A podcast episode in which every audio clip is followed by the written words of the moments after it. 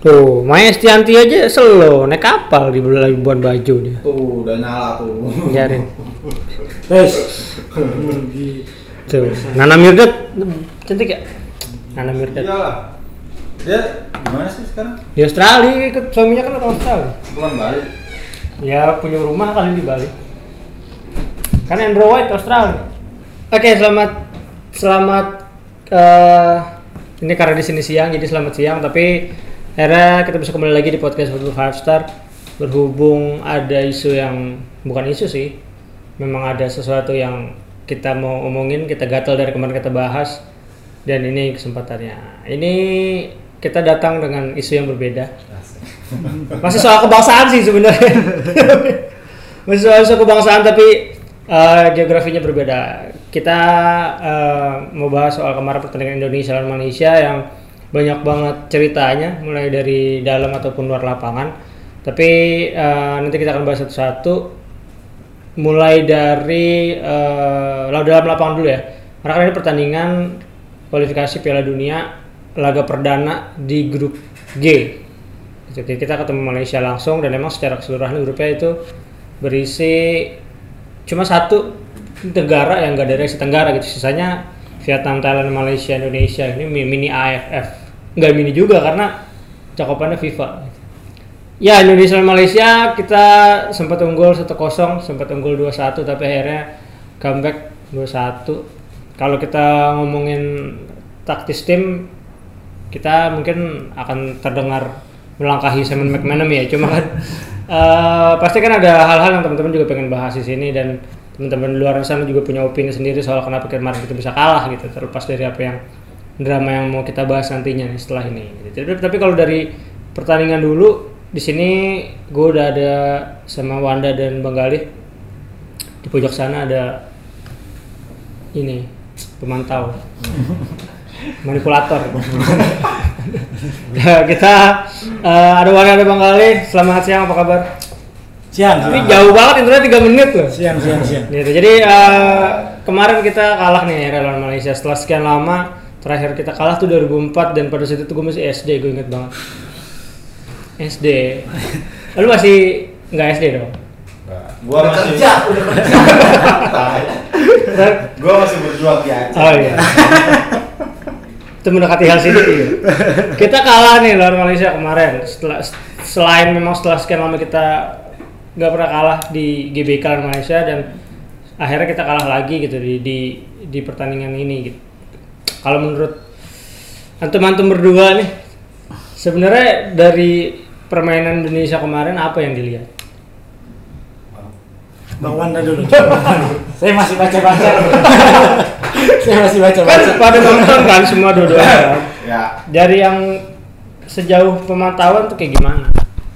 sesempit pemikiran gua sebenarnya ini faktor pertama sih jelas faktor kelelahan ya karena di babak kedua Indonesia benar-benar habis. Dari dari semua lini Indonesia udah habis.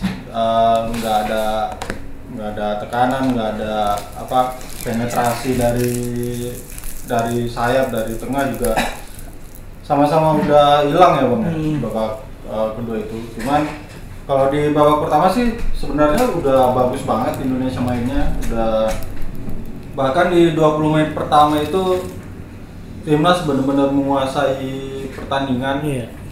di apalagi di apa eh, sayapnya Malaysia itu selalu berhasil ditembus kan sama, sama pemain kita. Ditambah dengan beberapa kesalahan yang dibikin oleh uh, back-backnya Malaysia itu jadi jadi satu keuntungan tersendiri buat kita lah. Cuman yang jadi masalahnya itu ya tadi di babak kedua kita habis bensin lah bisa dibilang habis baterai lah. Kalau soal dari komposisi pemain sih ya kayak dari semalam gua bilang gua menyoroti keputusan Simon McManamy mengeluarkan Zulfiandi karena kan nggak tahu ya kalau al- alasannya cedera kita nggak tahu. Tapi sepanjang 40 menit pertama nggak nggak kelihatan kalau Zulfiandi ada masalah dengan uh, kakinya. Dan terbukti masuknya Rizky Pelu malah jadi anti klimaks buat uh, permainan Indonesia. Tengah lini tengah kita udah uh, kalah total lah, udah udah bablas lah. Itu uh, mutlak jadi kesalahan Rizky Pelu lah. Bahkan di media sosial juga uh, banyak yang menghujat juga pemain PSM ini gitu kan. Tuh kalau kalau dari gue sih lebih ke pergantian pemainnya si siapa? Simon McManamy. Padahal Rizky Pelu baru juara ya. Sama PSM ya. juara. Tapi kalau gue sih justru enggak enggak juara eh, itu dari per- babak pertama sebenarnya satu kosong itu ada kepercayaan diri yang terlalu over. Pertama, gue ngeliat insidennya si Andri Tani itu yang dapat peringatan dari wasit, yang dia sama si Kasih bola itu kan. Nah, itu menurut gua terlalu percaya diri dengan mentang-mentang uh, udah. Itu faktor yang juga jangan disepelein sih kalau menurut gua dari babak pertama masuknya gol pertama pun sebenarnya gua udah ngeliat ini nih udah ada kesalahan mutlak dari sektor tengah ke sektor belakang. Terlalu terlalu percaya diri yang gue lihat dan memang bener sih kata Bung Wanda tadi pas babak kedua memang puncak puncaknya gitu nah skor 2-1 pun gue ngeliat yang dari gol keduanya si siapa Beto. si Beto itu gue sih ngeliatnya justru lak lak banget ya itu ya lebih ke bukan strategi permainan Karena kesalahan kesalahan pemain gitu. Karena memang murni Wah, instingnya si Beto. kalau- Kalau gue ngeliat dari overall dari pertandingan babak pertama babak kedua, ya babak pertama gue ngeliatnya malah justru nilainya 6 lah gitu memang nggak nggak terlalu dapat semangat sokongan memang dari teman-teman supporter yang benar-benar kuat. Nah berubah drastis babak kedua fisik sama gue ngeliatnya justru dari over over confident dari pertama tuh over confident banget Nah babak kedua bener gue setuju juga masuk ke Rizky Pelu. Sebenarnya dia tuh posisinya apa sih Rizky Pelu itu? Sampai sekarang aja gue kadang-kadang bingung gitu. Dia, dia dia ketika dia main itu ngacak-ngacak juga enggak gitu. Ya cuma Jadi lebih berguna Rizky Pelu apa Lucinta Luna? lebih baik Lusita Lusita Luna dong dia ngeganggu konsentrasi pemain. nah kalau Rizky Pelu kegunaannya gue bingung artinya dari pas dia main apa ya nguasain areanya aja enggak berapa kali gue perhatiin keteter mulu segala macam dan si siapa si orang Bali United Stefano Lipali berapa kali nge-backup posnya dia gitu gue perhatiin nah itu yang menurut gue kalau dibilang salah strateginya McManamy ya benar sih babak kedua lebih pergantian Zulfiandi ke Rizky Pelu yang fungsinya nggak jelas. Ngapain? Dari gue sih paling gitu sih. Kalau dari strategi ya permasalahan di situ. Di overconfident menurut lo gimana? Overconfident itu. Kalau dari yang tadi apa momennya si Andri Tani Ah. memang benar sih itu kayak apa ya? Eh, seakan-akan mereka cuma latihan. iya Soalnya kan kita di ya di liga mana pun belum pernah lihat kejadian kayak gitu. Iya. kan. Mereka dengan eh, entengnya apa umpan bola gitu terus dibalikin lagi biar ditangkap terus di Iya. tendang itu kan agak-agak aneh ya buat eh, pertandingan sekelas kualifikasi Piala Dunia gitu kan. Itu jadi gue sih gitu. saya gitu ya tapi Saywar di menit-menit awal buat gue itu lucu banget gitu. Maksud gua. pula posisi Saywar juga kita masih iya, unggul posisi kan. masih unggul. Kalau taruh misalkan Indonesia apa Inggris Argentina Saywarnya tuh ini Saywarnya menit-menit awal dan ya Iya. untung aja gak dapat hukuman gitu menurut gua. Itu tuh overconfidentnya udah terlalu over gitu. Itu yang bikin akhirnya justru gua liat ketenangan Malaysia sih itu antungin 4 jempol kalau gua bilang. Keren. Malaysia sama sekali nggak panik dia udah tertinggal satu kosong dua satu juga sama sekali nggak panik. Pelatihnya bahkan sampai apa eh, ya udah dia benar-benar ngelihat waktu ngelihat eh, timing yang pas untuk eh, ya misalkan eh, masukin pemain baru. Hmm. kayak si Sumare di dilihat ada beberapa hal yang udah benar-benar nggak bisa dilakuin sama si pemain lain baru dia dimasukin buktinya kan langsung ini kan langsung instan lah ya langsung. Sumareh itu lebih dulu ngegolin daripada diumumin Sumareh masuk. iya dia golin terus habis gol baru pergantian pemain Malaysia Sumareh. Nah, yang lucunya gol kedua Malaysia itu justru kan itu kalau nggak salah gaya mainnya si kiper, kiper Malaysia itu langsung manfaatin waktu serangan balik dari posisi kiper. Nah, menurut gue itu yang yang jomplangnya antara Iya. kiper kita Andri Tani sama kiper Malaysia itu benar tadi kata Bung Wanda dia benar pemain Malaysia benar-benar manfaatin waktu, ngeliat momen langsung bisa kayak gitu. Nah, itu yang PR besar kita banget gitu. Pantes Andri Tani timnya di papan bawah ya? Ya iya, peringkat berapa? 17. Peringkat 17. Zona merah. Lagi gue salutnya sama Simon McManamy ya. Dia pertandingan lawan Malaysia, sebergengsi itu. Dia nurunin kiper tim papan bawah coba. Menurut dia nggak punya tim kiper dari papan atas gitu kipernya Bali Wawan. Oh iya. Iya kan? Rido lah Rido Borneo masih ada di jarang besar. Kemarin gue lihat di sosial media, maksudnya uh, ekonomi disaranin buat melihat statistik, Nah. ngelihat nama besar klubnya. Nah benar karena memang iya benar secara stat, secara nama oke Andri Andri udah punya pengalaman secara mental ya mungkin salah satu yang dipertimbangin sama pelatih itu mental tapi kan justru pada akhirnya kebukti nggak gimana gimana gitu kan Iya. justru malah main jelek iya benar stat- statistik gitu karena beberapa beberapa pertandingan belakangan juga ya nggak usah dilihat Andrinya ya timnya Andri juga kan kebobolan banyak Hmm. Tapi kalau memang misalkan melihat dari soal mental, gue juga ngeliat dari susunan 11 pemain yang turun gitu, nggak ada benar-benar jiwa pemimpin sih. benar benar Nggak ada bisa nenangin temen-temennya buat cooling down. nggak nggak kayak di timnas waktu zaman dulu kan Iya. minimal kan ada kapten-kapten ya yang modelan BP segala Aha. macam yang bisa menenangkan situasi. Nah ini kemarin gue ngeliat pas Iya. gol kedua tuh nggak Andri Tani pun nggak ada. gue gue terpikir itu semester kemarin Ah. iya ini nggak ada satu sosok yang benar-benar abang-abangan di dalam Iya. tim yang bisa dilihat gitu ya Padahal kalau nggak salah McNamee bilang dipilihnya Andri itu jadi kapten karena punya jam terbang dan pengalaman. Tapi pas gue ngeliat, oke lah soal blunder apa, soal beberapa kesalahan di overconfident oke lah gitu. Tapi kalau ngeliat di caranya dia ngasuh teman-teman di Mm-mm. lapangan juga itu miss kurang banget. karena gue. iya wibawa wibawa bukan wibawa ya pengaruh ke tim-tim ke Iya. pemain-pemain sorry ke pemain-pemain yang lebih tua kayak Beto Betul. kayak Vano gitu kan ya mungkin Andre belum bisa megang mereka gitu Iya betul sih. Menurut gue juga kesalahan di, di pemilihan kapten juga itu salah satu faktor-faktor yang apalagi lawannya derby nih derby. Mm-mm. Menurut Bung Wanda gimana nih? Faktor pemimpin sih kalau sekarang di timnas emang nggak ada ya kalau menurut gue. Kalau kita lihat dari 24 pemain ya yang dipanggil. Iya.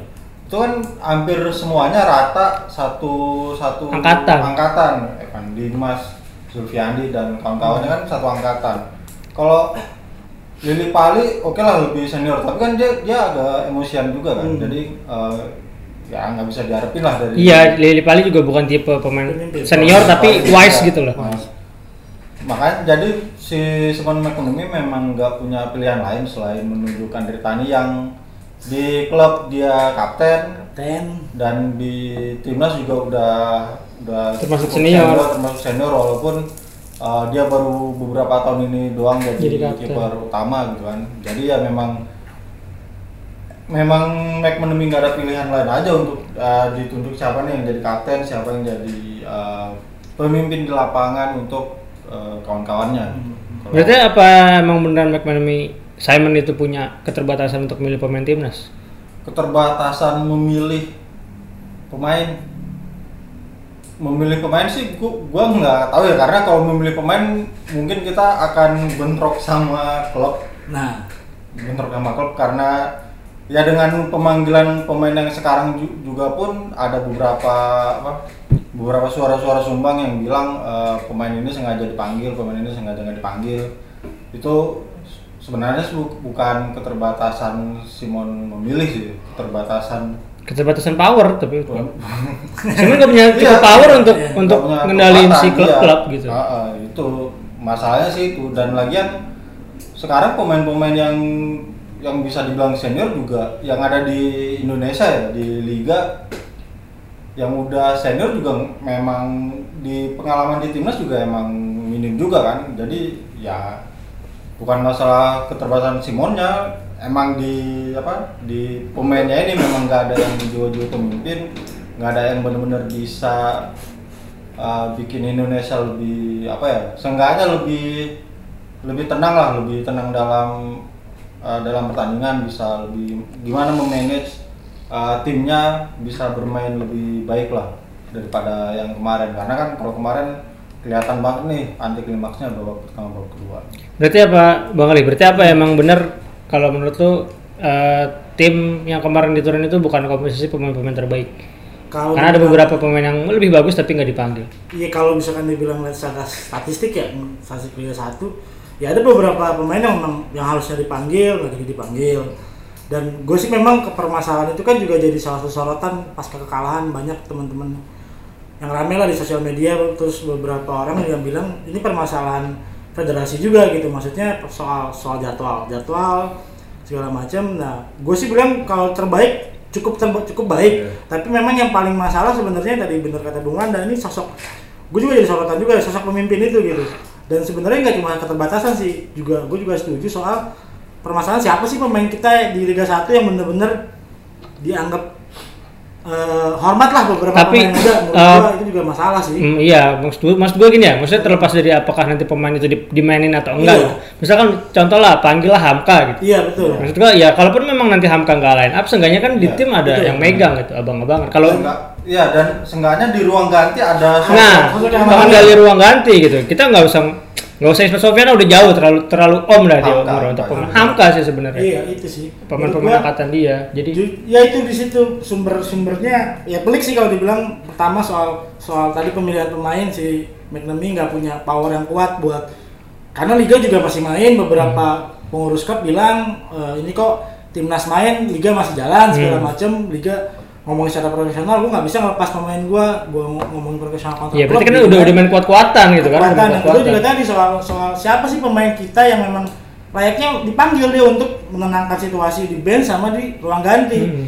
Ya gue sih benar sih setuju Hamka beberapa pemain yang senior yang memang harus jadi perda emosi Iya, yang teman-teman setidaknya gitu. senior tapi masih bisa dekat ke junior Iya, lah. Betul, yang range-nya nggak terlalu Nggak jauh. terlalu sih. jauh. Betul. Dan beberapa apa negara sama klub internasional kan juga ngelakuin itu kan. Hmm. Tetap dipanggil pemain-pemain senior cuma buat fungsinya buat buat ngasih Hmm. ya pengalaman segala macam. Jangan kita jangan kayak PSG lah yang Neymar marah-marah gara-gara oh sok tahu lo main gitu kan udah dikasih tahu yang senior gitu jangan sampai pemain kita tuh punya watak kayak gitu sih Iya. pikirannya Berarti ya maksudnya ada akhirnya kita dapat beberapa jawaban masalah gitu dari mulai stamina, dari mulai pemain, stamina juga berurusan sama jadwal liga yang masih jalan bersamaan, pemain juga urusannya tabrakan sama liga.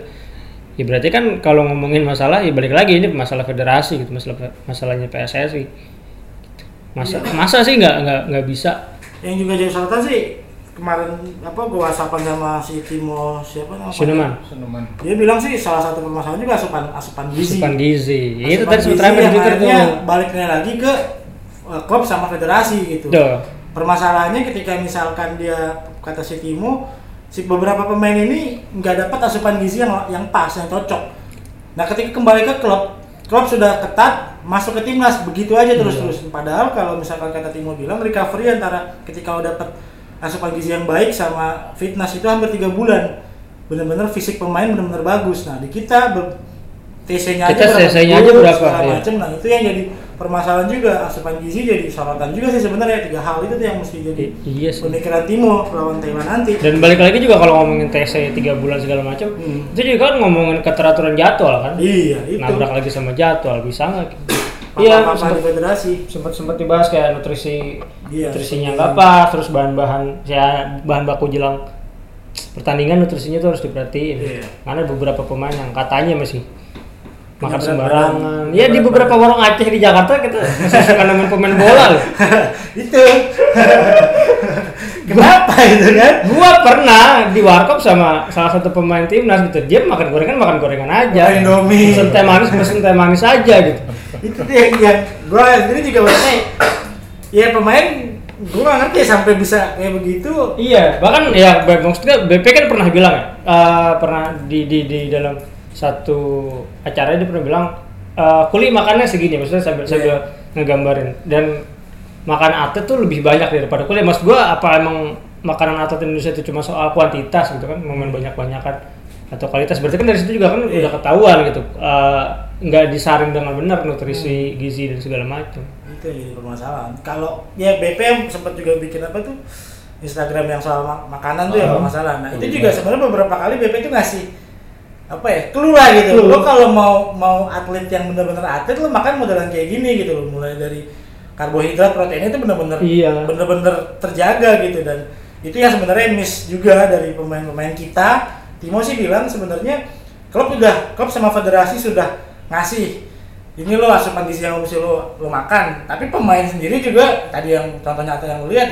di Bandel. bandel gitu Itu Iya, ya ber- tapi siklusnya. berarti itu ya ada hubungannya sama kayak kebiasaan dan budaya dari kecil Mental, gitu. mental. mental iya benar, mental benar. mental yang ya di set sedemikian rupa kalau peraturan itu cuma buat di Dilanggar. waktu tertentu doang gitu ketika lo ada kesempatan untuk melanggar ya buat apa matuh gitu kayak gitu jadi nah, dari segi, segi stamina kan memang berantakan Iya. terus berarti kalau dari permainan yang kayak tadi malam gitu lawan Thailand nggak usah dibahas lah ya kita sejauh ini kayak udah nemuin kita nggak usah bahas gimana nih peluang lawan Thailand. Kalau kita menang baru kita ngomong kayak gitu. Iya. tahuan Mi- minus sih maksudnya lawan Malaysia yang ya kan kalau kita beberapa artikel juga ngangkat sebenarnya kan head to head sama Malaysia nggak jauh beda lah ya. sekarang jadi sama sama-sama menang 26 Akhirnya, kali gitu. akhirnya Bahkan secara skill beberapa artikel bilang pemain kita pemain Indonesia tuh nggak jauh beda gitu. Coach Jackson juga bilang kan Ah, juga ah, jauh bagus. Memang tinggal pemahaman si pemain kata Coach Jackson soal Itu. menerapkan strategi gitu kan. Lawan Thailand yang lebih levelnya. iya ya, mas gue sih pesimis gitu. Ya mas gue kita kita udah dari segi apa pun kalah maksudnya dari segi uh, jaga stamina, mental, Mental. literasi soal nutrisi, pengetahuan, kebiasaan gitu kan kita kalah jauh itu balik lagi soal kebiasaan orang Indonesia sih yang ya, kayak kita lah kita kan makan suka semaunya sembarangan segala macam. Jadi ya untuk untuk melawan Thailand yang punya program sedemikian canggih, gue sih Ya menang dua eh kalah dua satu waktu itu lebih baik sih. Iya. Malah tadi awalnya gue mikir di kualifikasi ini ya, seenggaknya kita jangan kalah di kandang lah. Iya. Tapi ya udah udah jebol satu ya. Jebol satu lawan Thailand, lawan Vietnam, lawan Uni Emirat. Wah, Iya. berat sih menurut gua. Tapi dari dari Vietnam, Thailand, Uni Emirat Arab, gue masih pede lawan Vietnam di GBK ya. Hmm. Masih bisa menang lah tipis-tipis. Tapi kalau dari Vietnam gue nggak tahu. Iya. Soalnya kita punya kebiasaan yang agak unik lawan Vietnam sih. Iya. Hmm. Vietnam apa? Kita selalu menang sama Vietnam, Vietnam selalu kalah sama lawan yang ngalahin kita gitu. Itu Oh, iya. iya, iya. Ada aja kan gitu. Kryptonite Indonesia tuh Malaysia, Malaysia. tapi Kryptonite Indonesia Vietnam. Iya, iya betul. Eh, terbalik Kryptonite Vietnam Vietnam Indonesia. Indonesia. Jadi, Ya iya ini, ini udah lawan Vietnam segimanapun dia jagonya, segimanapun dia udah nembus Piala Asia U23 kemarin, gue masih pede lawan Vietnam lah. Iya. Soal mental ya. Nah tinggal lawan Uni Emirat Arab yang secara skill jauh lagi Jauh. atas rata-rata. Nah itu kitanya sebenarnya sih parkir bus aja sih sebenarnya. Gue lawan Thailand, gue setuju parkir bus 10-1 lah formasinya gitu. Dan dan gak usah nyerang ya, gak usah nyerang udah lah, udah lu defense aja lah Defense satu aja. poin. Itu juga udah keteteran mungkin. Nah, terakhir soal tim sebelum kita pindah ke Soal topik tim. yang selanjutnya. Eh, mungkin Simon McManamy harus rotasi pemain ya di apa di nanti lawan lawan Thailand. Thailand. Kemarin lawan Malaysia dia kalau nggak salah pakai formasi 4 back kayaknya. Iya. 4-3-1. Nah, 4-2-3-1 padahal dia selama ini selalu mengandalkan uh, 3 Tiga back. back. gitu kan. Jadi uh, dengan jadwal yang cukup padat ini bisa lah nanti di lawan Thailand di tempat yang sama ya. Iya, di GBK ya. GBK, nomor Di 10. GBK, uh, Simon bisa balikin formasi idealnya yang biasa dia pakai lah. Iya padahal dia dulu sempat ngomong ya, kenapa gue pakai back 3 ya untuk memudahkan winger-winger gue maju dan mundur gitu. Tapi Iya. dia pakai 4. Ya karena mungkin pemain-pemainnya terbatas sih. Tapi gue juga kalau tambahan dari gue mungkin kalau lawan Thailand kalau coba buat mainin di winger kita juga mungkin bisa jadi keteteran. Tapi memang gue setuju tiga tiga back dengan memperkuat lini tengah utamanya di sektor gelandang bertahan lebih diperkuat sih. Berarti ya lini transisinya gitu. Iya, lini transisinya karena kalau coba buat main winger, dua orang wingernya Thailand, full backnya juga ngeri-ngeri sedap itu dua orang itu. Nah, kalau kalau kalau misalkan menurut gua sih lebih bagaimana transisi antara bertahan sama menyerang itu di kuasain lini tengah deh gitu. Karena kalau head to head dengan Thailand lini tengahnya tanpa winger, gue sih masih cukup percaya diri gitu. Minimal kita bisa nahan nahan imbang. Itu juga cukup bagus sih menurut Ya, itu malah menang 2-1 kayak. Iya. Nah, kalau lawan Thailand pun kita masih kayak Masih bisa percaya Iya. diri sih memang. Iya. Masih percaya menang, diri. walaupun gitu. ya kalau jauh gitu. Iya, betul. Kalau Zulfian sama Rizky Pelu duet bisa nggak kata lu? Gua nggak setuju. Karena tadi yang gue bilang maksud gua Rizky Pelu sebenarnya fungsinya apa sih? gua sampai sekarang ini di PSM pun gua nggak ngeliat fungsinya Posisi- dia. posisi fixnya dia. Apa strategi maksudnya posisi idealnya dia apa ya? Kalau dia kan sebenarnya apa central mid- midfielder ya. Tapi kemarin gue perhatiin juga Back kanan kiri. Nah, kanan kiri dan beberapa kali ninggalin pos, ya gue nggak nggak nggak setuju sih karena itu justru akan menghambat permainan Zulfiandi yang kemarin tuh Spartan. Buat gue Spartan orang Aceh banget itu. Sampai sekarang masih berjuang. Oke itu dia eh, untuk segmen soal timnasnya, soal tim gimana apa yang harus dilakukan sama Simon pertandingan ke depannya kemarin eh, dari pandangan Galih dan Wanda juga sejauh ini seperti apa dan nanti kita akan balik lagi di eh, sesi yang kedua. Sesi kedua. So bukan sesi Idris, Sesi Sesa. Sesa, Sesa sesi kan kembar. Emang ada yang kembarannya? Ah, ada Sesa, Sesa Idris, Sesa Idris itu kembar. Yang Bukan banget. dari kakak ya? Iya, di Ya, kakak. kayak kembar. Ya di kakak kembar. Mereka kembar lah. Makanya. Orang Aceh itu kan. Nggak tahu. Ternyata aja Aceh. Kita balik lagi di eh, sesi kedua nanti soal yang lain. Jangan ke mana-mana. Oh iya, ini. Yang kedua apaan? Gue mau ngeliat wawancaranya Tisa dikirimin sama Bang Indra. Ntar lu, ntar lu rekam ya? Eh, ntar lu masukin. Oh, kita nanti nge-react ke komentar itu. Ya soal kerusuhan lah bang. Janganlah. Gue. bangsat orang-orang gitu. Nih di, di Twitter juga terpecah nih. Ada yang dukung, ada yang Belum ngeliatnya gimana, Di? Enggak. apa? Itu kerusuhan itu. Kerusuhannya kalau gue ngeliat Kan lu nggak mau bahas tadi, tapi kalau lu dari sisi yang lu di lapangan itu Provokasi provokasi. Enggak maksudnya itu benar-benar puncak kemarahan karena ngeliat jelek pemain pemain timnas jelek. Apa memang begundal-begundal itu mabok terus pengen rusuh gitu? Enggak, gua gua gua nggak ngerti itu ada urusan sama pertandingan. Emang gedek aja sama Malaysia menyerang. Gitu. Heeh. Berarti faktor ketiga lagi kalau gue sih Ah. ngeliatnya cuma nggak mungkin sih bener gue setuju juga karena nggak mungkin dia apa namanya jelek timnas. Heeh, kalah terus pelampiasan Ah, juga lah. Kita dan mabuk juga gue mikir Soalnya kan gol, sih iya gol, sebelum- Malaysia juga kan menit terakhir. Ah. iya jadi ya berarti memang bener-bener Emang bener gedek sama Malaysia aja. kan provokasi provokasi Iya, dari iya. siang kan udah iya dari siang juga udah rame Ah. jadi bu- bukan soal kita kalah terus rusuh enggak. Justru rusuh setelah kalah rusuh sama polisi. Iya. Rusuh sama Malaysia nyerangnya itu pas lagi kita dua satu eh dua sama. Dua sama iya dua sama. Tante polis. ya itu kan yang diungkit kan soal yang kemarin yang terakhir kita away ke sana. Iya. Nah tapi yang lucu nih gue nggak cek yang kemarin Malaysia kan juga pernah ngelakuin ya? Iya Malaysia ultrasnya ngakuin. Ngakuin apa? mereka bilang waktu pas lawan Arab Saudi itu kan mereka sama juga kayak kita nih. Gue memang sengaja rusuh.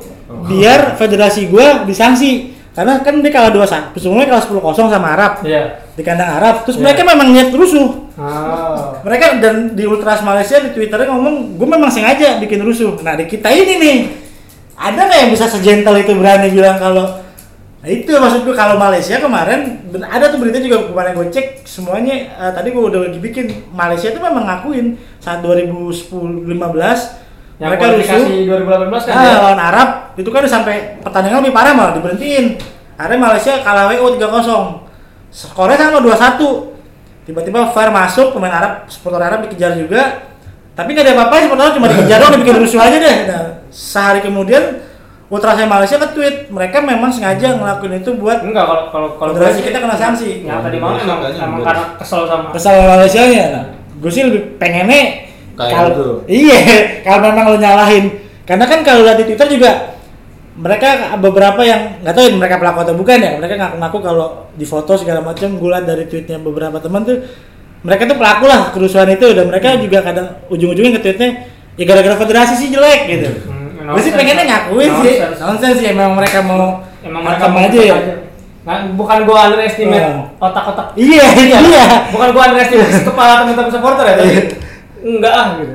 Kita belum bisa kritis itu dalam jumlah yang gede gitu. Sayang banget anjir. Sayang sih urut mendingan Yang kedua, lagian kalau kalau kata gue ya dari kalau dari Twitter nggak bakal ada itu bang. Soalnya iya UG sama Legrande di Twitter bahkan Iya. Eagle Supporter juga Iya, udah benar. mereka udah kayak ngerangkul itu dia. UM-nya kan. Makanya gue pas kemarin pas rusuh anjing nih ini yang gue pikir mabok. Ah mabok nih anjing. Mabok ciok anggur merah kayak nih gue pikir ya. Brengsek nih orang-orang. Nggak mungkin gue bilang kata gue emang betul emang bener-bener emang mau hantem. Ya emang mau nyerang dia kan eh, beredar-beredar yang video kita waktu di sana dia apa-apain mereka segala macam yang gua kaget tiba-tiba ada smoke bomb. Itu dia. Kata dah smoke bomb ya anjing. Anjing lolos aja tuh. Itu anjing anjing.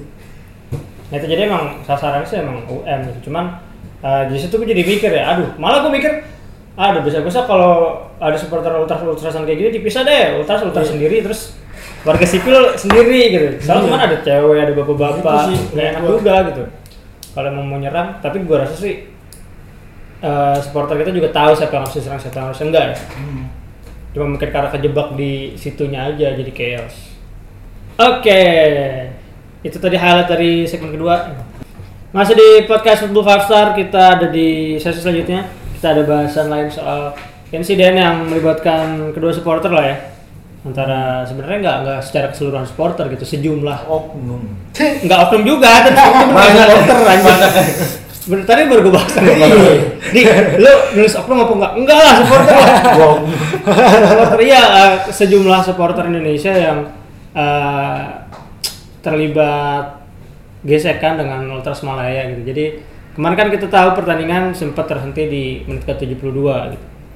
Dan itu juga cukup jadi rame karena afterwardsnya setelah pertandingannya itu justru jadi bergulir ke mana-mana narasinya malah yang dibilang rusuh karena kita kalah lah dan Iya. Dan segala macam segala macam gitu dan akhirnya memang eh, nggak enaknya kalau kita kalah doang sih gitu. kalau kalau kita menang Mungkin gitu. mungkin berantemnya lebih enak gitu Iya sih. gue malah kemarin aduh menang deh biar berantem enak karena kan sebelum sebelum kita kalah itu masih dua sama emang udah panas gitu di Iya. stadion gue di stadion yang yaudah lah kita golin dulu dah tiga tiga dua atau empat dua baru berantem nggak apa-apa gitu tapi eh, jadi skenario jadi gak enak gitu. kita seri kita kita kalah terus iya apes terus kita chaos gitu jadi kalau dari abang-abang dua ini kan supporter bola juga nih Yang beda. seneng bola iya ka- kalau dari lu Dewan ngeliat lu kemarin insidennya tuh Dari lo lah, kan apa? lo ini saksi, Saksi mata, mata. yang datang langsung. ah berarti sekarang gua bagian yang ditanya Iya. coba lu tanya Apa yang lo rasain saat pertama kali batu atau apa sih yang pertama kali kelempar itu? Nah kalau ba- batu yang di mana di Ya, dalam maksud di gua atau di luar Kan gua dari layar kaca nih, banyak yang katanya ada smoke apa asap duluan. Nah, itu sebenarnya insiden pertama, bener-bener pertama deh. Itu apa sih yang terjadi sebenarnya? pertama bener-bener pertama Bener-bener itu ada pertama. yang lolos dari tribun selatan Hmm. tribun sud gua gak gua nggak bilang itu anak sud atau anak Iya. G ya tapi memang dari ada tribun Lokasinya di sana. lokasinya di sana dari tribun sana ada lolos satu orang terus diamankan sama polisi terus ada gelombang yang kedua baru beneran lari tret ke arah Ultras ada satu orang gue liat lari dari tribun selatan ke arah eh, tribun UM dia lari sampai depan kapo-kapo UM dia lompat ditonjok. Dar! Wah tuh puas banget tuh gue Ya, ada tuh videonya tuh. Ah. Banyak tuh videonya. itu iya itu gue liat. Dan kayak itu satu stadion ngeliat momen itu. Iya. dan dia udah habis lonjok jedar jedar jedar pukul pukulan datang dua tiga orang belakang lagi nyerang nyerang nyerang udah ada polisi mereka mundur lagi. Udah sempet rame Eh, karena kan posisi gue di di tribun eh, media ya. Hmm. lebih dekat ke sud emang. Terus di sud masih rame masih ada botol segala macam masih masuk ke bawah. Udah tuh langsung di situ tuh. Hmm. polisi sama tentara langsung banyak menurut maksud gua. Dari tadi bapak-bapak ini ke mana aja? Makan, makan siang, eh makan malam. makanya Kan tiba-tiba tiba-tiba tentara tentara tentara di pinggir lapangan gua malah berharap jangan masuk lapangan jangan masuk lapangan tapi untungnya nggak masuk lapangan Hmm. terus ya udah di, di tribun itu udah mulai rame udah dihimbau eh, udah match sudah berhenti sebentar nggak lama di North di North juga sempat jebol juga kan tapi Hmm. karena kejauhan Udah, sempat udah ketutup. udah ketutup Jauh sih dari juga. Jauh. Gua pikirnya ya dia ngapain lari lari ke situ ya Buang-buang tenaga sih. Iya, udah, udah lewatin berapa ini berapa layer keamanan tapi buat ini doang cyber doang kali ya ya udah di situ dan di situ gue udah mulai ngeliat emang dievakuasi satu satu dua bener-bener satu satu loh. Satu ke bawah ke lorong ke ke ke dalam stadion ke pintu kaca tapi di dalamnya ada lift. Jadi kan di pintu kaca GBK itu dal- dalamnya ada lift. Lorong dalam stadion lah bisa ngarah ke ruang preskon communication segala macam di, dievakuasi ke situ bener-bener satu orang satu orang satu orang. Nggak lima nggak empat gitu. Jadi memang pelan-pelan gitu. Tiba-tiba udah habis ya itu di, di, di- pas full time udah habis ya itu di tribun itu. Jadi udah di situ. Itu itu kan sempat sempat dilanjutin tuh kan. Hmm. pokoknya nggak lama lah yang di di tribun tuh nggak lama gitu. Ada smoke bomb memang tapi udah udah padam. Bahkan ini sempat medik sempat gotong-gotong ada yang pingsan kena smoke bomb kayak pertandingan masih main. Masih main udah akhirnya. Sebelum pokoknya pas pas perangkat pertandingan bilang tambahan waktu 8 menit. Udah itu gua keluar. Gua gua nggak nggak nonton sampai habis emang. Pas tambah waktu 8 menit nah udah pas gua keluar ternyata mau memang mau ngelihat si supporter Malaysia ini keluar dari mana gitu. Hmm. Tapi pas gue turun tangga keluar kebobolan. oh itu gol. Oh kalah udah. Nah, ini bakal seru nih. Itu kan pas hari pertandingan. Yang Ah. sebelum pertandingan kan juga rame tuh. Itu Nah, gimana tuh? sebelum pertandingan eh, itu kebetulan kejadiannya sebelum gue datang dan sebelum sebagian besar kita datang lah. Hmm. Media-media wartawan-wartawan juga belum banyak yang datang. Yang kebetulan di situ memang ya anak-anak yang mungkin eh, datang lebih awal aja. Hmm. Pas- Karena memang uh, Ultras Malaysia kan memang diinstruksikan masuk ke stadion lebih cepat. lebih kan? cepat. Nah bahkan gua waktu dal- waktu masuk ke waktu sampai GBK, Hmm. Asrofi Sinta udah udah bilang, eh mereka udah masuk ke dalam ya? Oh iya, oh iya diamanin sama Hikam juga segala macam. Hmm. Jadi memang mereka dimasukin lebih awal, bener-beneran dimasukin langsung masuk ke stadion untuk ya untuk hindarin kayak gitu gitulah. Tapi emang dari beberapa video yang kita lihat di, di Twitter juga kan dari dari situ udah mulai, udah mulai Iya. provokasi dari luar. Bukan provokasi itu jatuhnya intimidasi. Iya. Intimidasi lempar-lempar dari luar tuh udah udah mulai gitu. Jadi kalau ada mungkin kalau ada pertanyaan siapa yang mulai, ya kita yang mulai karena eh, bukan mulai dalam arti kalau mulai kan bahasanya kayak nanti Iya, berantem gitu. iya. Ini enggak emang dari awal katanya usil aja iseng terus ya udah mereka ya mereka mau ngapain? Lo expect mereka ngelawan? Enggak kan? Iya. Ya udah mereka masuk tribun udah. Itu kalau sebelum pertandingan itu. Emang ada sempet Tapi pelempar-pelemparan. menurut Bung Wanda sendiri nih, jadi gue yang nanya kan.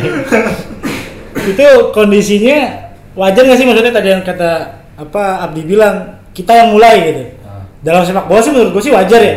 Nah kalau menurut Bung Wanda sendiri tuh yang ngeliat situasi sampai ke titik akhirnya harus berhenti dan akhirnya jadi justru yang jadi sorotan kita bukan kekalahan tapi aksi supporter. Menurut lo itu wajar nggak sih teman? Kalau dari segi sepak bola wajar Hmm. karena ya siapa yang menerima kekalahan gitu kan Hmm. apalagi eh, dengan latar belakang lawan apa pertandingan kemarin lawan kita kita Malaysia yang udah ya berpuluhan tahun Kita lah punya jadi histori bersama lah. histori bersama Lawan Portugis. dengan segala macam eh, tensi politik segala macam klaim yang mereka buat ya itu ya dengan berat hati sih bisa dibilang wajar ya dengan eh, kejadian kemarin karena kalau ya yang tadi sempat kita bilang memang ini bukan soal hasil akhir Betul. 3-2 karena Betul. eh, pecahnya kerusuhan juga bukan setelah Skor 3-2. skor 3-2 tapi sebelumnya kan Dua sama ya. Iya. Bahkan sebelum kosong-kosong emang udah pecah. Udah pecah.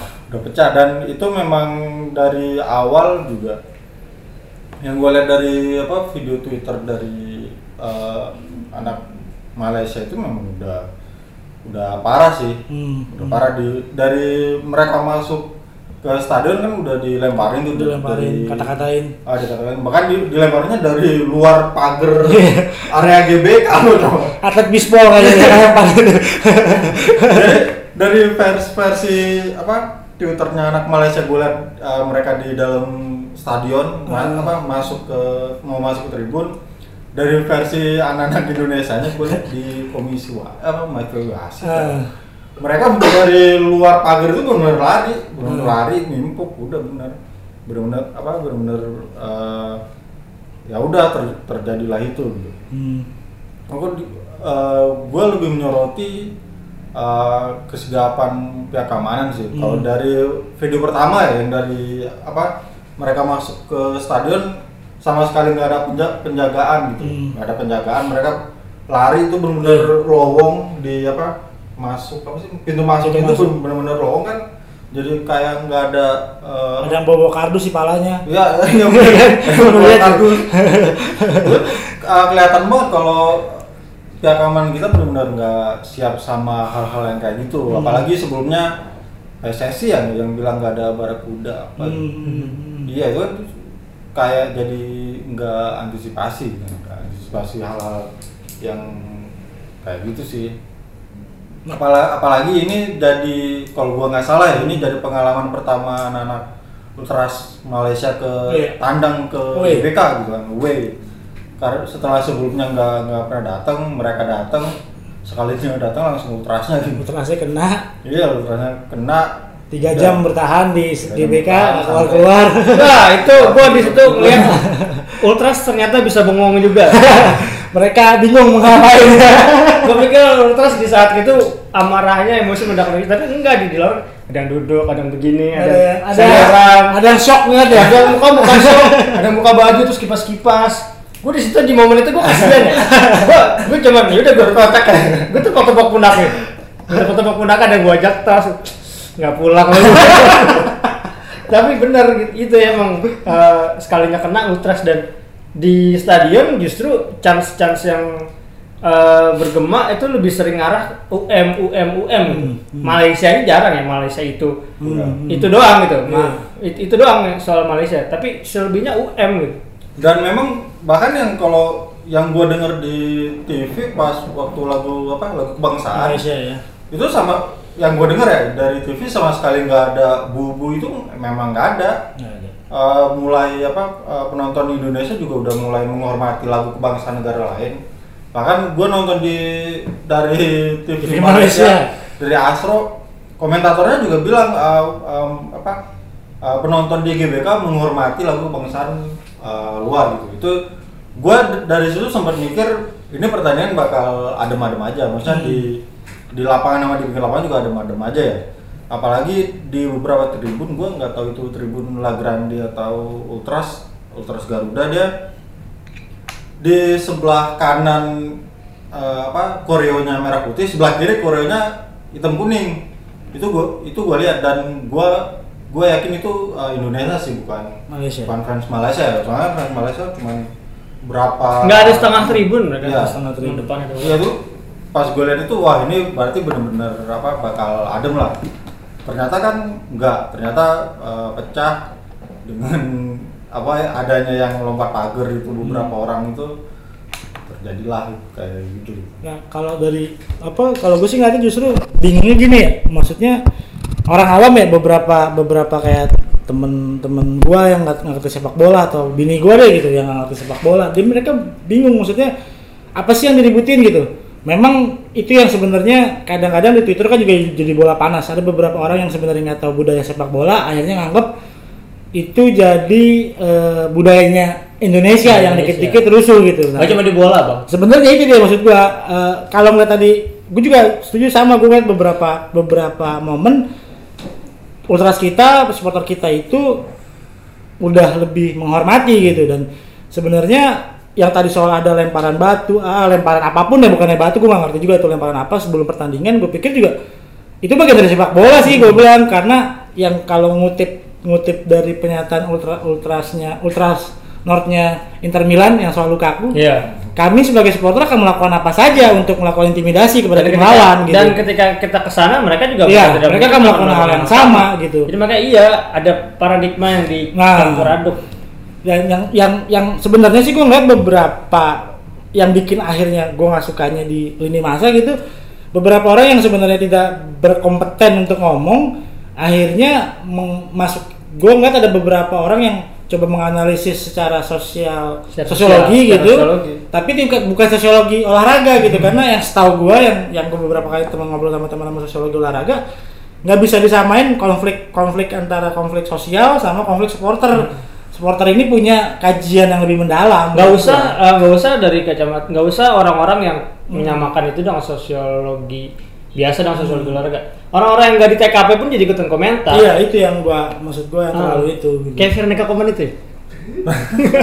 yang akhirnya mendadak nasional nasionalis itu gua gua gua ngerasa apa bendera merah putih kita ternodai iya apa bla bla bla gitu. nanti dulu ya maksudnya Iya, kalau iya, iya. itu lu nggak dateng lu nggak usah ngomong gitu. gue supporter layar TV gitu Eh, hitungan masuk ke stadion berapa kali tapi gue ngelihat ketika ya ya lo kan beda ngerasain ketika lo kelab suka sepak bola lo bagaimana ngelihat kecewanya saat lo pengen ini timnas menang terus tiba-tiba kalah sama lawan yang tadi kata Bung Wanda punya latar belakang berbeda menurut gua jangan disamain lah tiba-tiba lo nyamain konflik Indonesia nggak bakal maju-maju gitu kan. Gue juga setuju sih supporternya rusuh pantasnya sepak bola nggak maju-maju. Itu Serbia Prancis aja juara Prancis, dunia, itu masih rusuh Inggris pak itu kan Iya, biasa. Inggris lah. itu maju-maju aja sih menurut gua jadi emang bener emang gak ada kaitannya antara supporter santun sama prestasi tim gitu nggak ada supporter gitu. santun ya udahlah gitu iya jadi bener ada ada pencampur adukan mungkin penggemar catur yang mungkin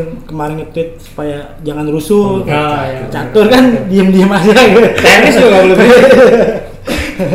Tenis bersin aja deh. Iya. Ya itu sih kalau menurut gua.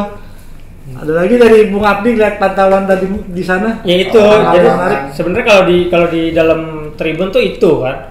Tapi sebenarnya yang di luar tribun lebih ke ya lawan polisi ya akhirnya itu awalnya juga kan yang chance siapa lagi yang harus disalahin karena Hmm. karena kami ya itu itu di pintu kaca awal ya kan di pintu kaca di yang belakang patung panah gede Hmm. itu. Nggak tahu kenapa tiba-tiba rame tiba-tiba disuruh dipukul mundur tiba-tiba disuruh keluar. Ya udah tiba-tiba ada batu. Ada batu ada nggak tahu petasan segala macem. Ya teman-teman wartawan itu lagi ngumpul kan lagi ngerekam kok. Ngerekam ngerekam ngerekam ngerekam ngerekam. Tiba-tiba emang eh, mendadak masuk semua ke pintu kaca gitu. Udah mulai rame udah ada yang teriak batu coy batu. Ya udah gue masuk juga. Ya udah emang beneran rame di luar gitu. Jadi kalau kalau nih dia di tengah-tengah nih. Apa yang gue ditarik ditarik sama Bang Indra? Patah mati lu ntar. Iya kalau kalau yang di depan di luar stadion itu awalnya di depan pintu kaca. Tapi trigger apa nggak tahu pasti gitu. Karena kan awalnya nge-chance, iya nge-chance tiba-tiba pecah gitu. tapi yang, yang yang itu juga sih jadi gua nyorotin juga sebenarnya ada beberapa supporter yang akhirnya membawa-bawa rivalitas klub nah itu Oh. gua suka banget maksud gua Nggak eh, nyambung lah. nggak nyambung sih itu justru bikin panas situasi menurut gua Maksud gua kayak musuh kita itu tuh. Iya, gitu. ya kalau ngomongin soal budaya kita, itu budaya kita. Iya. Banyak yang hal-hal itu sebenarnya budaya kekerasan itu budaya semua negara, tapi ketika ada yang gue ngeliat ini gara-gara Jakarta, Iya. konotasinya udah tahu siapa yang mau diserang gitu. Artinya ah. yang di, yang didiskreditkan kan Yang yang Ya, boleh itu dukung timnas cuma Jakarta dan Nah, koalisinya kan gitu. hal-hal yang kayak gitu menurut gua teman-teman sih kalau dibilang lebih belajar ke situ sih teman-teman supporter lebih ke soal itu ke soal kekerasan apa fisik segala macem ya tapi gue juga kemarin tadi baca ada salah satu wartawan yang katanya salah satu wartawan teman gue juga tuh dia mengamankan mengamankan supporter Malaysia. Empat orang diamankan sama dia saat udah keluar pintu stadion katanya mau diculik sama tiga orang supporter. Tiga orang oknum lah karena tiga orang hitungannya sampai diamanin sama, sama wartawan itu dia sampai nge-tweet sampai Instagram tuh dibilang sampai supir grabnya itu ditahan segala macem. Tapi ke- ketika di, gua orang Indonesia di temen gua kata wartawan itu bilang nah supporter itu masih tetap mau nyerang nah untungnya ada beberapa pihak kepolisian akhirnya nyadar dan akhirnya nyelamatin nah menurut gua juga itu juga beda sih orang yang supporter tiga orang itu menurut gua itu baru pantas disebut perusuh menurut gua kalau yang di dalam stadion menurut gua gua nganggapnya itu memang udah budaya sepak Oh, bola menurut gua itu udah budaya sepak bola masih ketika di udah mau pertandingan. nyulik segala macam itu udah masuknya kriminal Iya. menurut gua. dan itu jangan disangkut pautin sama sepak bola atau supporter sih menurut gua. Walaupun dia pakai embel-embel timnas menurut gua. Eh, nyambung tadi ya yang dibilang Bang Gali soal apa eh, ada temennya yang hmm. menyelamati ya? Iya. Menyelamatkan. Menyelamatkan. Menyelamatkan. Selamat timnas. itu salaman. Awas. Videonya gue sih sempat eh, dari semalam gue sempat kepikiran kenapa dari beberapa eh, fanbase di Indonesia kayak di Twitter lah katakanlah lah Grande sama Hmm. Ultras kan mereka eh, jauh dari jauh sebelum pertandingan ini mereka mengampanyekan mengampanyekan bakal ngegandeng Ultras bakal apa ya maksudnya nemenin Ultras lah Hmm. eh, istilahnya gitu gue mikir kenapa mereka pas di stadion nggak apa ya bukan ngawal sih maksudnya ya udah jalan bareng biar seenggaknya eh, untuk meng, apa ya, meminimalisir kejadian-kejadian yang nggak diinginkan iya nggak usah eh, nggak usah ratusan orang deh puluhan orang aja maksudnya jalan bareng biar eh, si yang ultras Malaysia ini agak merasa aman lah dengan adanya eh, kawan-kawan yang dari Hmm. Indonesia gitu kan biar nggak ada terjadi pelemparan lah apalah segala macam gua sempet sempat eh, kepikiran itu sih karena eh, ini mereka pertama kali datang ke Indonesia Hmm. dan di media sosial pun eh, beberapa eh, fanbase itu kayak tadi yang gue sebut bahkan info supporter juga Mas Arista beberapa kali bilang eh, soal itu kan Iya. menyampaikan soal itu kenapa eh, ya kawan-kawan ini nggak di nyampe stadion nggak kayak gitu hmm. nggak tahu ya apa mereka udah kayak gitu tapi kita nggak nggak tahu atau memang tapi kalau dari so kesetahuan gue sih ngeliatnya gini sih eh, bang Wanda. Apa namanya? Tadi yang gue bilang karena di beberapa nggak tahu juga nih so, so tahu lagi-lagi ya supporter. Karena di kita aja supporternya ah ini gara-gara dari basis ini nih klub Ya, ini.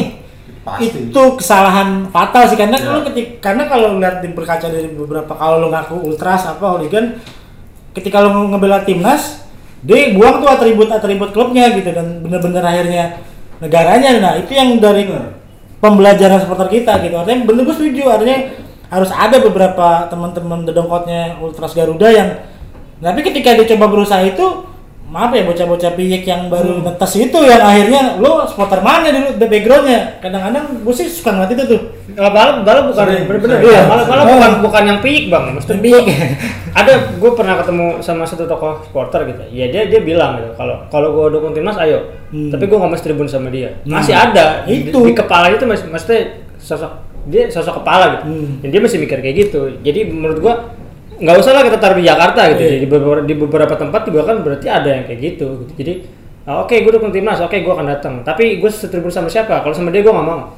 ya minimal kalau gue nggak tahu ya kalau contoh kasus di be- beberapa negara kayak Inggris yang hooligannya gue pernah ngeliat Millwall sama siapa West Ham. Nah itu tuh waktu pas kejadian Indonesia ah, Inggris Yunani yang David Beckham ngegolin Hmm. gue pernah baca artikel jadi mereka memang nggak mau satu nggak mau satu apa tribun, tapi ngormatin supporter Yunani sama-sama kayak bikin ya udah jaga anak buah lo, lo gue jaga anak buah gua. Oh, iya. Kita sama. Nah, maksud gue tidak ada satu koordinasi tapi setidaknya jangan bikin malu Inggris karena main di Wembley waktu itu. Hmm. Nah, bener-bener ada fakta nggak tertulis gitu ya udah kita hormatin supporter Yunani karena waktu sebelum pas tandang di Inggris Yunani itu supporter Inggris diserang. Tapi mau nggak mau eh, kalau supporteran Indonesia ngomongnya Nah. kita nggak punya satu sosok di supporternya pun gitu. Itu dia. Ada kot yang untuk Tapi timnas di, doang gitu di kan. Inggris pun nggak ada sih. Di tapi Inggris tapi ya balik lagi kalau kalau kesadaran. sadar kalau dari Budaya. eh, daerahnya aja udah main kuat-kuatan Nah, itu. susah ke timnasnya di timnas kita nggak ada. Iya.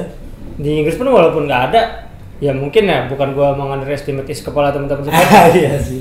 mungkin Inggris masih bisa lebih paham soal itu lah soal Karena ada ada Ratu. Elizabeth takut mereka Nah, bisa. merasa karena bener pas gue baca itu anjir jadi supporter Millwall sama beberapa supporter bilang ya udah jagain supporter lo jangan nyerang supporter Yunani Yunani udah biarin aja mereka aman gitu jangan di karena sebelumnya waktu pas timnas main di sana dilihat waktu pas lawan Turki juga sama Hmm. beberapa kali supporter Inggris Millwall kayak punya kesepakatan nggak bersama gitu ya udah kita jangan jangan jangan ngelukain supporter tamu. iya jangan supporter tamu aja dulu tapi kita kasih sewor aja kenceng nah, nah hal-hal yang kayak gitu yang jadi pembelajaran sih sebenarnya artinya kalau memang lo nggak mau satu satu tribun sama si kelompok klub ini ya udah kita ngomong aja nih jangan sampai Mm-mm. hal yang kayak gitu Dan sih masalahnya supporter kita nggak bisa nerima sayur. Gak bisa Nah, iya, bisa. iya, dan masalahnya kita juga nggak nggak bisa main se, se, se fair itu. gitu. Iya. Tetap aja gatal bawaannya.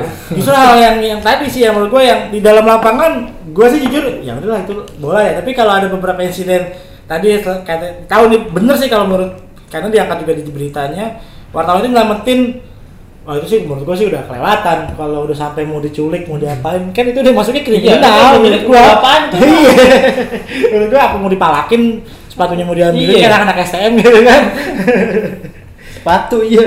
Sepatu aja. itu sih Itu jadi ke- ya kalau yang gue lihat sih di di di sana gitu. Emang kenapa bisa pecah? Ya di di, di ada dua nih, pecah di tribun sama pecah di luar gitu. Hmm. Dan menurut gue itu nggak ada hubungannya gitu. Karena ketika pecah di luar itu lebih lebih eh, chance ber itu chance ngelitik federasi. Hmm. federasi dan operator-operator itu. Tapi kalau di tribun ya memang murni karena mau emang kesel aja sama Kesel, UM gitu. dan dan sepanjang pertandingan juga kan yang di digaung-gaungin ya UM jarang. Malaysia Malaysia itu jarang circle ya paling ya satu satu dua chance itu doang gitu. Jadi eh kalau gue lihat sih memang berhenti di situ gitu. Eh, kasus ribut menurut gue ya udah lah udah berhenti di situ. Kita eh, kalau emang lu supporter dan lu tahu gimana budayanya, iya ya udah kita berhenti di situ gitu. jadi eh, kalau soal balas dendam ya oke lanjutin ya tunggu tinggal tinggal tunggu mereka lagi datang sini aja serang lagi gitu mas Iya. gampang kita kita di sana kita away gitu kita Iya. dapat perlakuan kayak gitu ya. Jangan nangis Jangan nangis. ngeluh, jangan ngeluh. Jangan dulu jangan tiba-tiba jadi merasa paling korban sendiri. Ya itu juga berlaku buat UM gitu. Iya. mereka di sana bisa nyerang supporter Vietnam bisa nyerang supporter Thailand tapi ketika lu away kemari ya jangan berlindung di balik menteri lu yang masih muda itu gitu. Iya betul gue setuju. Jadi eh, ya gitulah. Eh, karena kan budaya supporter juga ada ada ada budaya kayak gitu kan. Beda-beda, ya. giliran jadi korban dia merasa paling tertindas tapi di satu sisi ketika dia diuntungin dia diem gitu. Diem. Jadi eh, ya udah. Ya nanti tinggal gimana? Kita sekarang tinggal nunggu keputusan dari FIFA nih mau ngapain? Masalah supporter ya udahlah. Iya.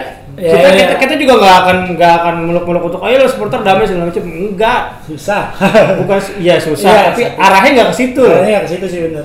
gitu ya. Nah, tetap ada beberapa unsur yang harus dalam tanda kutip dipelihara tapi bukan berarti kita membenarkan kekerasan sampai ada darah gitu. Jadi eh, kalau soal supporter ya ya udah jalan kayak biasa lagi kalau memang UM nanti di sana merencana- merencanakan sesuatu ya udah terserah silahkan Tapi tiketnya mahal pak, 3 juta. iya ah. Ada nggak ya?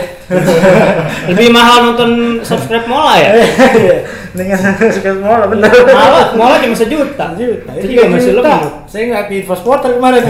Ada nggak ya mau away ke sana gitu?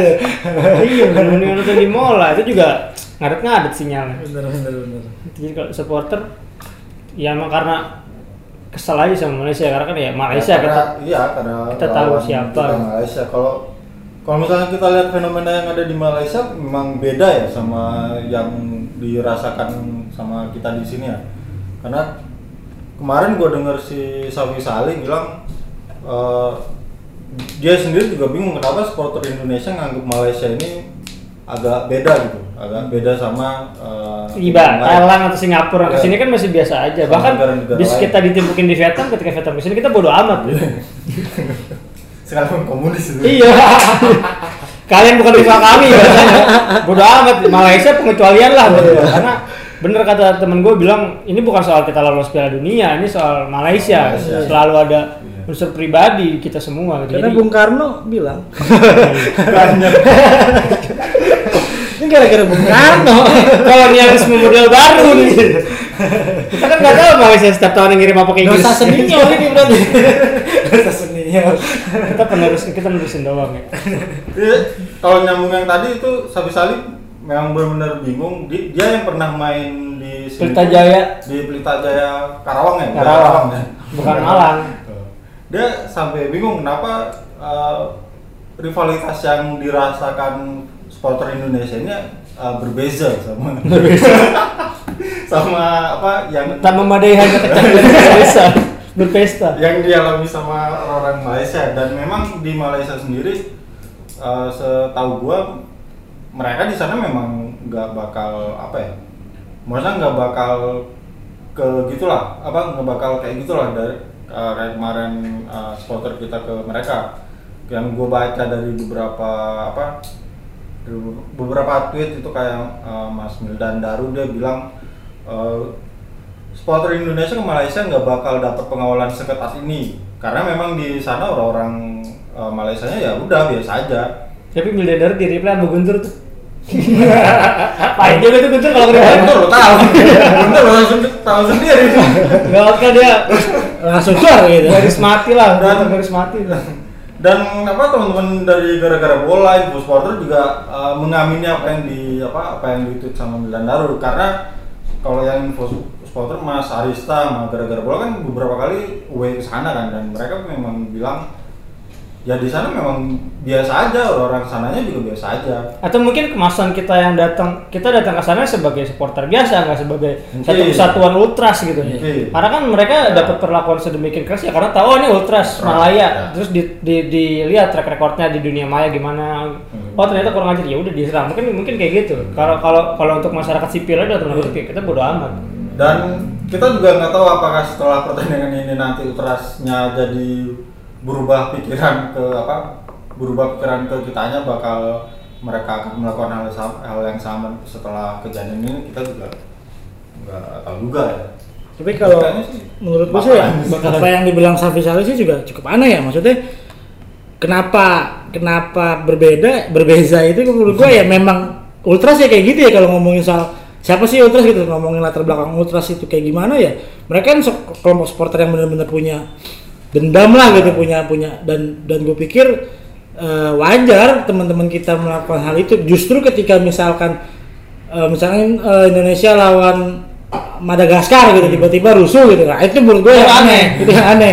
Menurut gue kalau memang Safi saling ngomong gitu eh, ya dia kalau menurut gue ya pandangan gue ya Bang Wanda ya, justru dia menutupi menutupi apa yang dilakukan Ultras Malaysia. Karena Ultras Malaysia pun akan melakukan hal yang sama, Sama. karena beberapa kali gue ngeliat tweet-tweetnya teman-teman Malaysia ada beberapa yang kita akan balas di sini kita akan balas di sini. Bahkan yang lucu adalah beberapa gua gue sempet nge-screenshot tuh beberapa tuh tweetnya nggak tahu Ultras nggak tahu apa ya. Tapi bilang udah TKI di sana orang-orang yang kerja nah itu yang hal gua justru itu yang aneh buat gua. Tiba-tiba kok jadi orang pemba- Nggak tenaga kerja sekali. kita di sana yang mau dikenain gitu. Hal-hal yang kayak gitu yang ya kalau gue secara pribadi ngeliat Malaysia memang berkedok sih maksudnya bermuka dua mereka secara secara dan itu uh, kemarin gue baca sendiri di Twitter tuh Ultras Malaysia apa Hmm. apa gitu namanya Uh, jadi ada satu wartawan gol Malaysia dia nge-tweet pokoknya soal uh, perdamaian Iya. antar supporter yang ada Hmm. di sini gitu di GBK kan langsung diserang tuh sama ya sama net warganet sana lah Hmm. Malaysia dan itu sem- semua hujatan ke wartawan gol Malaysia itu di retweet sama apa Ultras Malaysia bahkan uh, Ultras Malaysia itu sem- uh, sempat mungkin kalau di Jakarta ini uh, nggak cuman sepak bola aja yang rusuh Iya, lo iya. oh, ketahuan orang Malaysia bakal digebukin dia dia, sam- dia sampai ngomong gitu tuh Hmm. jadi apa ya memang kayak kata bang Ali bilang Iya. memang agak berkedok sih orang Iya iya. Karena orang Malaysia juga beberapa kasus ya di luar sepak bola ya itu ada beberapa kena juga gitu ke orang Indonesia. Beberapa temen gue ke sana karena dia logatnya logat bener-bener Indonesia itu beberapa kali kena. Kalau gue mau nyebut ya, maksudnya nggak tahu ya salah atau bener, tapi orang Malaysia memang yang paling rasis justru di Asia Tenggara menurut gue. Karena beberapa kali kejadian nggak cuma satu orang dua orang, beberapa temen gue yang ke sana karena ada orang Indonesia diperlakukan rasis ya mungkin beberapa teman-teman supporter yang away ke sana kebetulan dapatnya penerimanya baik gitu tapi kita juga nggak bisa memungkiri teman-teman Malaysia pun ada yang berperilaku rasis ke kita ya even gue nggak suka bola tiba-tiba ada beberapa teman gue yang perempuan datang ke sana terus "Eh, orang Indon Indon ya? Bahasa-bahasa itu sering mereka dengar gitu. Padahal wow, ya itu Iya, yang dan, menurut dan gue yang kita sayang juga kan orang-orang Indonesia yang tiba-tiba jadi simpatik ke mereka. gitu. Hmm, maksud gua eh, oke yang away ke sana nggak ada apa-apain, iya benar sama juga sih beberapa teman Malaysia yang ke sini nonton juga sebenarnya nggak Ya, nggak- nggak nggak- diapa-apain, nggak apa-apain juga. Diapa-apain berarti kan udah ranah fisik kan? Iya, Kalau maksud kemarin itu baru diapa-apain tuh. Iya, faktanya ada beberapa teman-teman Malaysia, gua gue sih yakin karena kan orang-orang Malaysia itu kan suka dangdut Indonesia gitu kan, ada tuh liga dangdut Indonesia. Dulu Rosa, Rosa Ah. dapat gelar Datuk Sri Dat- Datuk Iya. City gitu kan.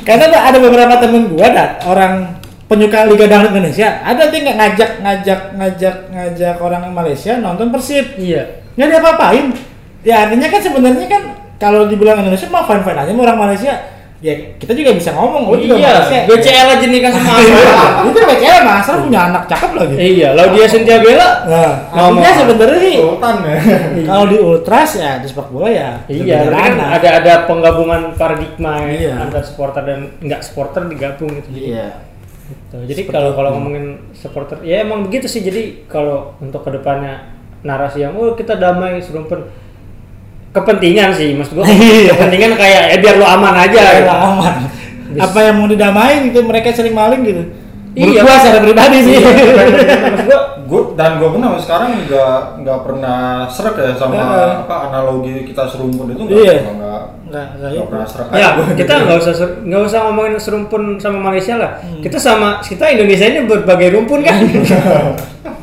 jadi panjang kan Ya, Jadi iya sih kalau kalau ngomongin rumpun di sepak bola, gue pasti kurang ini lah nanti karena ranahnya beda gitu, kacamatanya beda, jangan jangan ke situ. Tapi emang gue setuju Malaysia tuh cara gue pribadi juga gue nggak nggak serap deh. Mm. Bahkan Singapura masih gue anggap lebih oke Iya, lah gitu iya. dibandingin Malaysia yang bener-bener rasis. Gue sih nganggap bener ya orang negara Asia Tenggara yang paling rasis. Menurut gue Malaysia, menurut gue Malaysia. Entah mereka ngerasa Melayu banget, entah ngerasa ya itulah gue bilang karena padahal mereka kan merdekanya dikasih. Nah itu gue bahas. Lu mereka nggak pernah terbuka sih. Iya. mereka merdekanya dikasih. Udah panjang nih Panjang, gue senangnya. jadi jadi eh, makanya eh, tapi satu sisi kan ada juga reaksi si Menporanya kan agak keras sih. Tapi tapi ada ada ada supporter yang mengapresi menganalogi kayak gini. Menterinya dia rakyatnya diapa-apain tegas tuh lapor ke FIFA tapi giliran kita diapa-apain maafin minta maaf. Terus gua ya berarti ya berarti kan benar. Lagi-lagi eh, kalau dari sudut pandang supporter ya ini nggak bisa dimaafin. Tapi kalau dari sudut pandang luar ini rusuh dan segala macam. Hmm. Setuju. jadi eh, rumit sih kalau bahas Rumit. supporter. Apalagi kalau bahas yang eh, kayak gini-gini gitu. Nggak Iya. nggak banyak nggak banyak orang yang paham. Dan di sosial media pula yang Iya. bahas. Ini sama aja kayak yang ngomong- ngomongin soal ya di Serbia sana, kenapa sih Kroasia sama Serbia berantem terus? Ya itu akarnya panjang, sebenarnya Hmm. akarnya panjang gitu dan menyerempetnya ke sosial, ke politik segala macam sih. Kalau gue sih itu sih simple. Kalau untuk supporter ya terutama untuk hubungan sama Malaysia ya di sini gue bilang dengan tegas pengecualian lah. Dan buat gue ya udah jaga yang kayak begini aja menurut gue. Oh, jaga yang kayak begini menurut gue. Ya, tapi terus jangan sampai beberapa teman yang ngerasa Ih kok kayak gini sih Indonesia? Gue sih kurang setuju. Ya lu nonton sepak bola dulu deh, mendingan Iya, TV sampai bola habis. dulu deh, gitu sampai kan. habis. Karena bola, bola bah- bahkan bola pun beda sama bulu tangkis, bola pun beda sama olahraga lain. Iya betul. Ya, ya pada akhirnya gue harus bilang ya sepak bola punya punya Passionnya sendiri. Iya punya dinamika sosial khusus gitu di Iya. eh, Setuju, yang lain gitu. Kalau kalau bulu tangkis pemain kita masih ada kok yang eh orang Indonesia masih ada yang idolain Kokian Cat, Tan Bun Hyung masih ada. Lee, gitu. Lee Cheng Ho, Lee Cheng Ho. Lee Chong Wei Lee Chong Wei. yang gak juara-juara Iya, sampai iya. sekarang gak juara-juara Olimpiade susah banget biasa Iya. aja gitu. Jadi sama sepak bola Mahathir Muhammad. Mahathir Muhammad Putri. Anwar Ibrahim. Jadi panjang kan. Panjang nih bahas Malaysia nih. Ayo, ayo. Nah, tutup. Mana gimana Wanda? Platform lain apa? Ya udah lah. boleh tekan.